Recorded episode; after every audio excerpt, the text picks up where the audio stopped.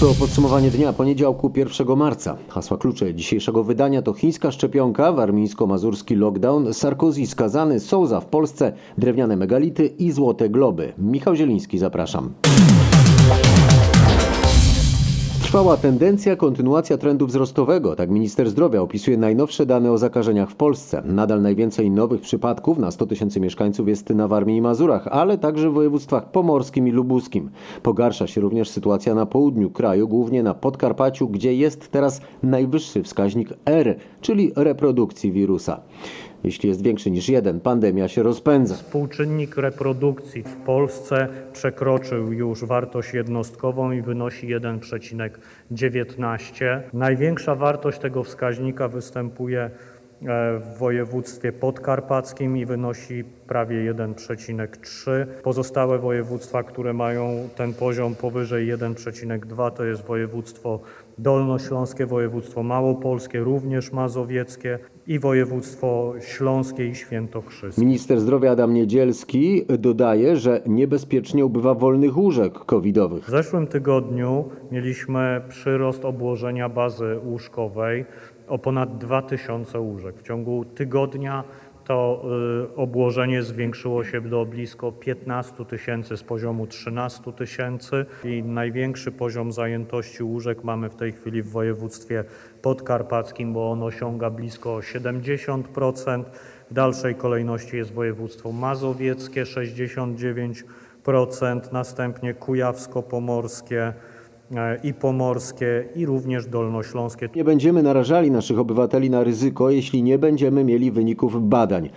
Tak minister zdrowia Adam Niedzielski odpowiedział z kolei na pytanie o możliwość zakupu innych szczepionek niż do tej pory, między innymi z Chin. Jeżeli chodzi o e, inne e, szczepionki, no to wszyscy Państwo wiecie, że jest Sputnik, który rzeczywiście zaczął pewnego rodzaju współpracę z EMą, bo na razie nie złożył wniosku, tylko zwrócił się o tak zwaną e, poradę badawczą, która polega właśnie na wspólnym przygotowaniu metodyki, metodologii prowadzonych badań, ale to jest tak naprawdę pierwszy element procesu, który absolutnie nie, nie mówi o tym, że ten proces zostanie zakończony w najbliższym czasie. To nie są takie perspektywy. W najbliższym czasie możemy liczyć na to, że szczepionka Johnson Johnson zostanie dopuszczona, czyli ta, która jest też w technologii Astra, e, takiej jak AstraZeneca.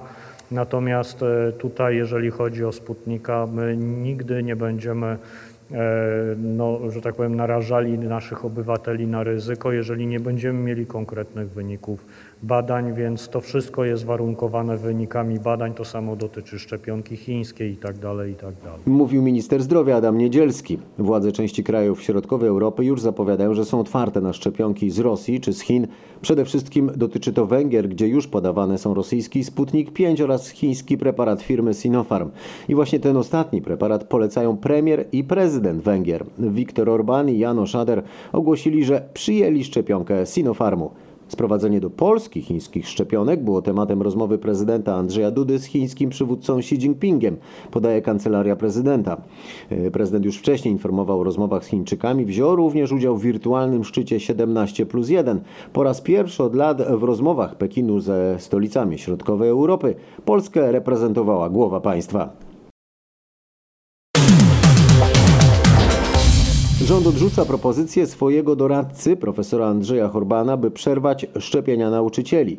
Zdaniem profesora, skoro nie ma dość szczepionek, a przybywa w Polsce zakażeń, to należy przerwać akcję szczepienia nauczycieli i uodparniać raczej starszych obywateli, a potem za 2-3 miesiące wrócić do akcji. Jednak według rządu nie ma takiej potrzeby, a celem jest powrót uczniów do szkół przed wakacjami. Jednocześnie rząd zapowiada, że za trzy tygodnie zaczną się szczepienia osób powyżej 60 roku życia, razem ze szczepieniami służb mundurowych. Osoby z tej grupy wiekowej będą szczepione preparatem firmy AstraZeneca, bo został on dopuszczony do stosowania także u starszych osób do 69 roku życia. Nasz reporter Mariusz Piekarski o tym, kiedy zaczną się zapisy dla tych osób. Na przełomie tego i następnego tygodnia, tak zapowiada minister zdrowia, ale to będą zapisy inne niż dla seniorów starszych niż 80 i 70 lat. Wtedy wszyscy z tych przedziałów wiekowych mogli zapisywać się jednocześnie.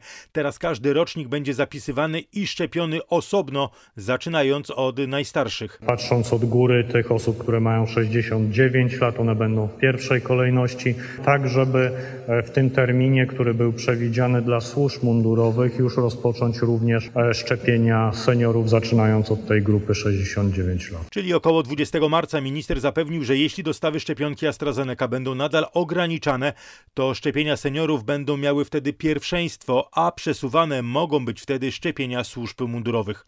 Warszawa, Mariusz Piekarski.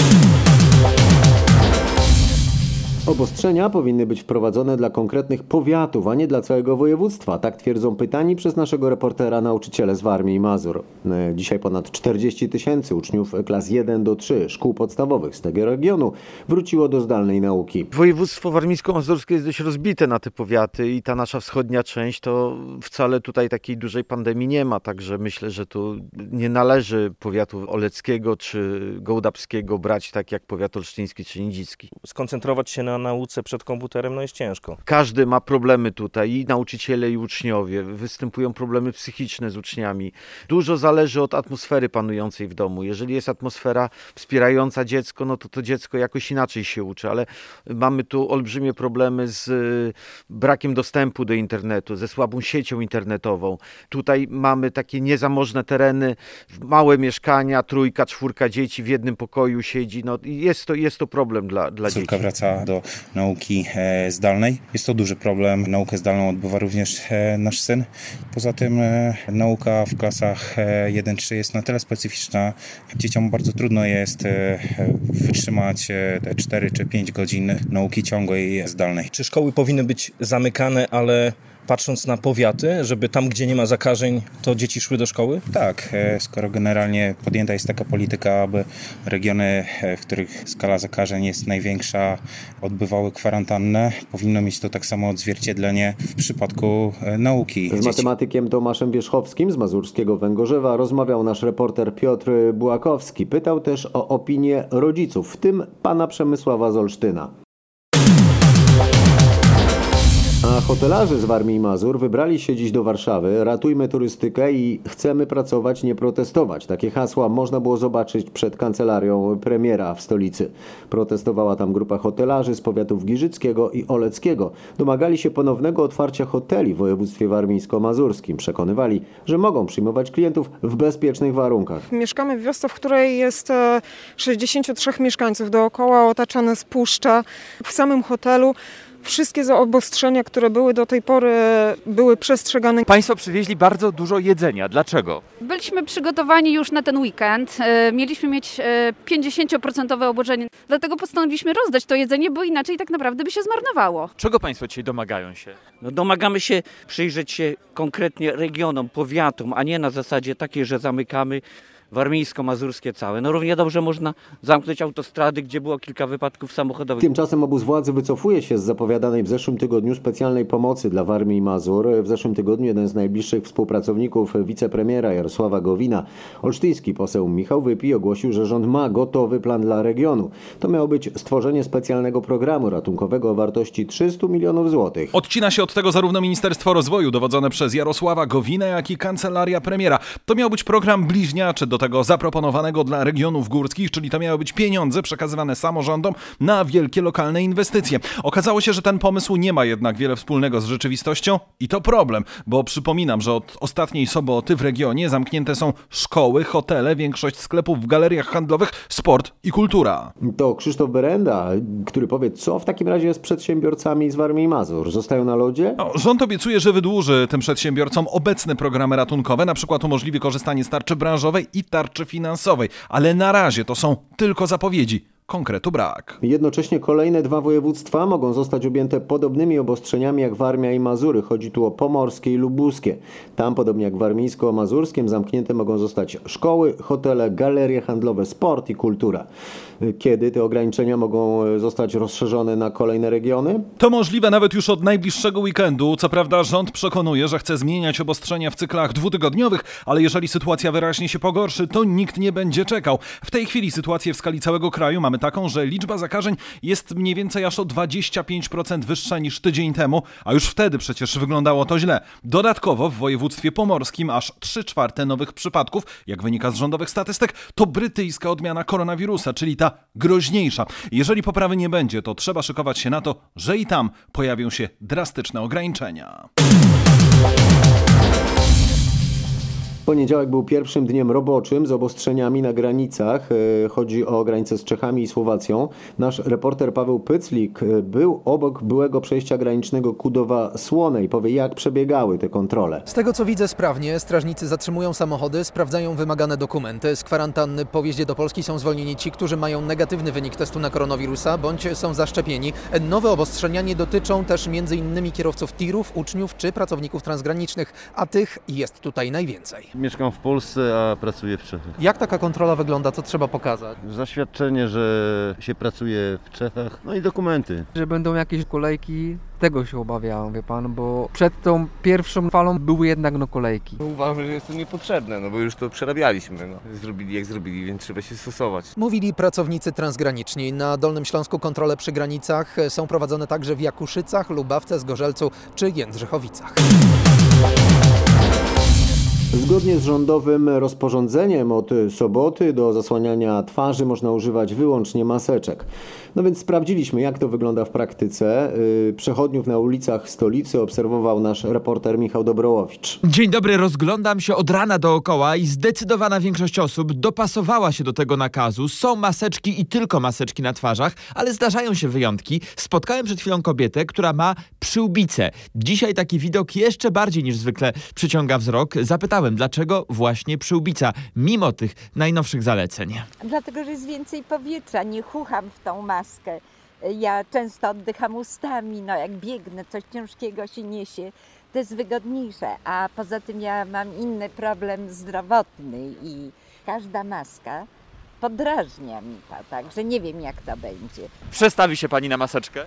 Zobaczę, maseczka w kieszeni, a przyłbica na twarzy. Jednak takie podejście, mimo uśmiechu tej pani, maseczka w kieszeni, przyłbica na twarzy, teraz jest niezgodne z przepisami. Powtarzamy i przypominamy, według Rady Medycznej, która działa przy kancelarii premiera, przyłbice, szaliki, chusty, kominy to nie jest dobre zabezpieczenie przed koronawirusem. To nie wystarcza, twarze zasłaniamy tylko maseczkami. E, Rodzaj maseczki nie ma znaczenia. To może być maska bawełniana, najprostsza, którą szyjemy, przygotowujemy sami. Może być chirurgiczna maska albo antysmogowa. Jaka to jest maseczka, to nie ma znaczenia. Ważne, aby była to właśnie maseczka, a nie szalik, nie komin, nie chusta, nie przyłbica. Komisja Europejska przyspiesza pracę nad tak zwanymi cyfrowymi paszportami dla osób zaszczepionych przeciwko COVID-19. Szefowa tej instytucji Ursula von der Leyen zapowiedziała, że jeszcze w marcu Komisja przedstawi propozycję legislacyjną w tej sprawie. Nasza korespondentka w Brukseli Katarzyna Szymańska-Borgino powie, czy ma to umożliwić Europejczykom podróżowanie już w najbliższe wakacje. Chodzi o to, żeby w całej Unii stosowany był jednolity dokument, by uniknąć sytuacji, w której każdy kraj wprowadza odrębny paszport. Dokument ma być cyfrowy i posiadać informacje o szczepieniu lub negatywnym wyniku testu lub nabyciu odporności po przebyciu COVID-19. Jest to jednak wciąż kontrowersyjna propozycja. Moi rozmówcy w Komisji Europejskiej także przyznają, że trzeba będzie rozstrzygnąć wiele trudnych kwestii. Wciąż nie jest jasne, czy osoby zaszczepione nie zarażają. Jest też pytanie, czy paszport będzie dotyczyć tylko szczepionek zarejestrowanych przez Europejską Agencję Leków i co z małymi dziećmi lub osobami, które nie mogą się zaszczepić ze względów zdrowotnych. A w Stanach Zjednoczonych rozpoczyna się dystrybucja szczepionek firmy Johnson Johnson. To już trzeci specyfik na amerykańskim rynku przeciwko koronawirusowi. Nasz amerykański korespondent e, Paweł Żuchowski o tym, czy ma to przyspieszyć proces szczepienia Amerykanów. Tak, dlatego że to szczepionka jednodawkowa nie wymaga też przechowywania w tak niskich temperaturach. Do końca marca firma ma dostarczyć w USA 20 milionów dawek. Joe Biden, prezydent USA, przekonuje Amerykanów, by korzystali ze szczepień wszystkimi dostępnymi preparatami. Szczepionki są bezpieczne i skuteczne, podkreśla amerykański przywódca. Z badań Federalnej Agencji do Spraw Żywności i Leków wynika, że 28 dni po podaniu szczepionka Johnson Johnson ma skuteczność 66% w zapobieganiu umiarkowanie ciężkiego i ciężkiego przebiegu COVID-19. Żaden z zaszczepionych uczestników badania, który zachorował po 28 dniach od otrzymania preparatu, nie wymagał hospitalizacji. A teraz Francja, gdzie były prezydent Nicolas Sarkozy został skazany za korupcję na 3 lata więzienia. Czy to oznacza ostateczny koniec kariery politycznej Sarkoziego? O tym z Paryża Marek Gładysz. Wszystko na to wskazuje. Według osób z bliskiego otoczenia Sarkoziego, ten ostatni jeszcze niedawno nie wykluczał ponownego startu w wyborach prezydenckich, by zmierzyć się w przyszłym roku z Emmanuelem Macronem. Większość komentatorów przepowiada, że teraz nie będzie to już możliwe. Sarkozy, któremu udowodniono, że próbował przekupić w przeszłości jednego z sędziów sądu kasacyjnego, czyli francuskiego odpowiednika Sądu Najwyższego, stał się drugim po Jacques Chiracu, byłym prezydentem Piątej Francuskiej Republiki, skazanym za korupcję lub malwersację funduszy publicznych. W ciągu ostatnich 10 lat zamknięto w Wielkiej Brytanii połowę policyjnych komisariatów. Donoszą o tym media na wyspach. Nasz korespondent w Londynie Bogdan Fyrmorgan powie, co się stało z tymi budynkami. Dokładnie 657 z nich przystosowano do innego użytku, ponieważ głównie mowa o starych, atrakcyjnych budynkach, w większości zostały one przerobione na luksusowe mieszkania. To może imponować, ale oznacza również, że Brytyjczycy utracili kontakt z lokalnym komisariatem. Media donoszą o jednym ciekawym przypadku takiej przeróbki. W byłym komisariacie na północy Anglii powstała olbrzymia plantacja marihuany. Odwiedzając stare kąty, policjanci skonfiskowali tysiąc krzaków o wartości ponad półtora miliona funtów. Mienie o wartości 12 milionów złotych należące do Henryka K. zabezpieczyła do tej pory prokuratura w śledztwie dotyczącym tego potentata na rynku mięsnym, dowiedział się dziś reporter RMFFM. Zatrzymany w Argentynie biznesmen jest podejrzany o wyłudzenia podatkowe na kwotę ponad 800 milionów złotych. Krzysztof Zasada o tym, co zajęli śledczy. Przede wszystkim chodzi o część nieruchomości, którymi Henryk K. władał. Poza tym zabezpieczono pieniądze na jego rachunku w jednym z domów maklerskich. Dodatkowo prokuratura zajęła gotówkę i akcje zdeponowane w jednym z banków. Jak usłyszałem, śledczy wciąż szukają majątku należącego do właściciela zakładów mięsnych. A co z ekstradycją biznesmena? Jak się dowiedziałem, po zatrzymaniu go w Argentynie, polska prokuratura właśnie przekazała tamtejszemu wymiarowi sprawiedliwości komplet dokumentacji dotyczący podejrzanego. Teraz decyzja o wydaniu przedsiębiorcy do Polski zależy już tylko od Buenos Aires. Jest wniosek o trzymiesięczny areszt dla kobiety, która w nocy z soboty na niedzielę zdemolowała stację benzynową w Rymaniu w zachodniopomorskiem. Katarzyna A. usłyszała zarzuty m.in. zniszczenia mienia i narażenia na niebezpieczeństwo pracowników stacji. Jak dowiedziała się nasza reporterka Aneta Łuczkowska, przyznała się tylko do pierwszego. A jak tłumaczyła śledczym swoje zachowanie? 37-latka zeznała, że postanowiła wjechać w budynek stacji, bo się bała. Opowiedziała, że czuła się zagrożona przez partnera, którego zostawiła w Holandii i od którego uciekała. Wyjaśniła, że to uczucie zagrożenia narastało. Podejrzany wydawał się jej każdy napotkany samochód, a także w końcu mężczyzna, który podróżował wraz z nią. Stwierdziła, że jeśli zrobi coś spektakularnego, to zagrożenie zniknie. Prokuratura już teraz mówi, że następnym krokiem będzie skierowanie 37-latki na obserwację psychiatryczną. Na razie śledczy chcą, by pozostała ona w areszcie. Kobieta nie ma stałego miejsca pobytu w Polsce i jest obawa, że po zwolnieniu z Izby Zatrzymań po prostu zniknie. W Gdańsku ruszył dziś proces trzech mężczyzn, którzy w lutym 2019 roku przewrócili pomnik księdza Henryka Jankowskiego. Są oskarżeni o zniszczenie mienia oraz znieważenie pomnika. Według prokuratury działali z błahego powodu, a ich działanie miało charakter chuligański. Nasz gdański reporter Kuba Kałuka śledzi uważnie tę sprawę i powie, czy oskarżeni przyznali się do winy. Nie, nie zrobił tego żaden z nich. Duże emocje wzbudziły wyjaśnienia Michała Wojcieszczuka, który jako pierwszy z oskarżonych zabierał głos.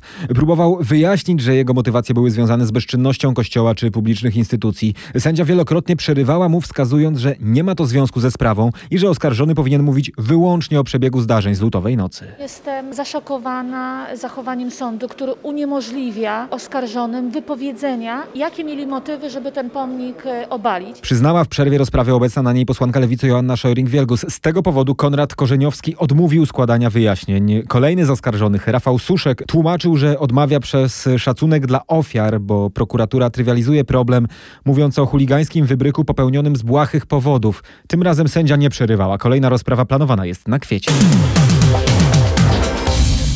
Alarmy powodziowe w Płocku i powiecie płockim odwołane. Lodołamacze kończą pracę na Wiśle. Poziom wody spada i w wielu miejscach jest już poniżej stanów ostrzegawczych. Paweł Balinowski teraz o tym, jakie są prognozy. Za 4 do 5 dni poziom Wisły znów może zacząć rosnąć, ale według hydrologów dużego zagrożenia nie ma. Nie powinien przekroczyć stanów alarmowych, być może sięgnie stanów ostrzegawczych. To dlatego, że lodołamacze rozbiły blokujący przepływ Wisły lodowy zator.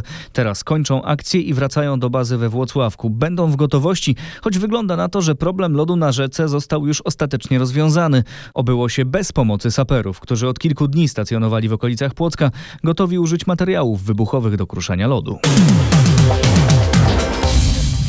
Rozmowy o likwidacji kopalń i transformacji Śląska nie mogą odbywać się bez udziału samorządów. O powołanie Śląskiego Okrągłego Stołu zaapelowali samorządowcy z gmin górniczych oraz przedstawiciele firm związanych z górnictwem, które zatrudniają kilkaset tysięcy osób. Dotychczasowe rozmowy rządu z nimi określają jako niewystarczające. Z prezydent Rudy Śląskiej Grażyną Dziedzic i prezydent Jastrzębia Zdroju Anną Hetman rozmawiała nasza reporterka Anna Kropaczek. Rząd rozmawia tylko i wyłącznie ze stroną społeczną i bardzo się cieszymy, że będzie pakiet osłon. Ale pakiet osłon dla górników to jest nie wszystko. Z jakimi problemami gminy górnicze będą się borykać w procesie transformacji? To będą przede wszystkim skutki społeczne, czyli gminy górnicze utracą swoją funkcję społeczno-gospodarczą, będą ubywać mieszkańcy, będą ubywać miejsca pracy, w związku z tym duże bezrobocie, brak zainteresowanych inwestorów do lokowania się na tak zdegradowanych terenach, w związku z tym mniejsze dochody i powracamy do początku, czyli znów utrata funkcji społeczno-gospodarczej. A teraz w podsumowaniu dnia o niezwykłym znalezisku archeologicznym w Dębianach w Świętokrzyskiem naukowcy odkryli tam neolityczne grobowce megalityczne, które mają 5,5 tysiąca lat. O szczegółach Marek Wiosło. Jak twierdzą naukowcy, odkryto tam prawdopodobnie największe w Polsce cmentarzysko, które zbudowano w formie megaksylonów, czyli wielkich konstrukcji megalitycznych, z tym, że zamiast kamienia używano drewna. Jak na razie przebadano tylko niewielki skrawek terenu, ale już wiadomo, że znalezisko jest wyjątkowe. W epoce kamienia w wielkich ziemnodrewnianych konstrukcjach, które mają do 50 metrów długości, chowano elity. Wiadomo już także, że grobowce były używane także długo po epoce kamienia. Jak mówią specjaliści, można się tam spodziewać jeszcze wielu ciekawych odkryć. Ośmioletni Arek jest pierwszym niepełnosprawnym, który na specjalnym wózku inwalidzkim zdobył na nartach Kasprowy Wierch, a następnie z niego zjechał. Wszystko dzięki ludziom dobrej woli, którzy przyłączyli się do akcji i fundacji w Góry Serca. W Kuźnicach witał go nasz reporter Maciej Płachicki. Jak było? Dobrze. Nie bałeś się? Nie. A co Ci się najbardziej podobało? Podobał się taki zjazd. Szybko jechaliście? Tak. Ale tak bardzo szybko, czy tylko trochę szybko? Trochę szybko. Nie, na życzenie tutaj naszego narciarza dobraliśmy prędkość pod jego potrzeby. Pierwsza para była najmocniejsza, był to Andrzej Bargiel, Przemek Sobczyk i Marcin Świerc, czyli najwięksi kozacy chyba jacy są w ogóle w polskich górach. Lecieli tak z wózkiem, że reszta bez wózka nie mogła nadążyć, dlatego weszliśmy na górę w 3 godziny. Zjazd teraz 18 minut wyszło. I to z przerwami. Paulo Souza jest już w Polsce. Selekcjoner piłkarskiej reprezentacji pojawił się w naszym kraju wczoraj i rozpoczął przygotowania do pierwszych spotkań w eliminacjach biało-czerwonych do Mistrzostw Świata. Debiutancki mecz polskich piłkarzy z Portugalczykiem na ławce już 25 marca, rywalem Polaków będą Węgrzy. Paweł Pawłowski z redakcji sportowej o tym, co Souza będzie robił w Polsce przez nadchodzące tygodnie. Jak usłyszałem w PZPN, Souza pojawi się na meczach Pucharu Polski, by obserwować zawodników z polskiego podwórka. Grafik będzie napięty, bo pucharowe mecze zostaną rozegrane jutro i pojutrze. W weekend 20 kolejka Ekstraklasy, która również interesuje Paulo Sousa. O zagranicznych graczy trener może być chyba spokojny. W weekend gole strzelali Lewandowski, Krychowiak, Milik czy Kędziora. Martwi jedynie kontuzja Fabiańskiego. Selekcjoner zostanie w Polsce aż do pierwszego w tym roku zgrupowania, które rozpocznie się za trzy tygodnie. 15 marca mamy poznać nominacje do Oscarów. W nocy rozdano Złote Globy. Wśród laureatów są Nomadland i kolejny film o Boracie. Czy te nagrody to prognostyk przed Oscarami? To pytanie do Katarzyny Sobiechowskiej-Szuchty z redakcji kulturalnej RMFFM. Bardzo często tak bywało, ale w tym roku pojawiły się mocne zarzuty, że Hollywoodzkie Stowarzyszenie Pracy Zagranicznej to zbyt mała grupa, hermetyczna i podatna przy nominacjach na manipulacje ze strony producentów. Największym zaskoczeniem było pominięcie w głosowaniu filmu Spike'a Lee Pięciu Braci. Przedziwne dziwna była sytuacja z filmem Minari, który też jest oscarowym pewniakiem. Dla Złotych Globów to film zagraniczny, bo choć w całości powstał w Stanach Zjednoczonych, to opowiada o koreańskiej rodzinie mówiącej po koreańsku. Przyznająca Oscary amerykańska Akademia Filmowa jest dużo większa, bardziej różnorodna i chyba bardziej otwarta, ale ma do rozdania mniej nagród, bo bez tych serialowych. Jej nominacje poznamy za dwa tygodnie. 93. Oscarowa Gala 25 kwietnia, a kolejne podsumowanie dnia już jutro. Michał Zieliński, dziękuję za uwagę i do usłyszenia.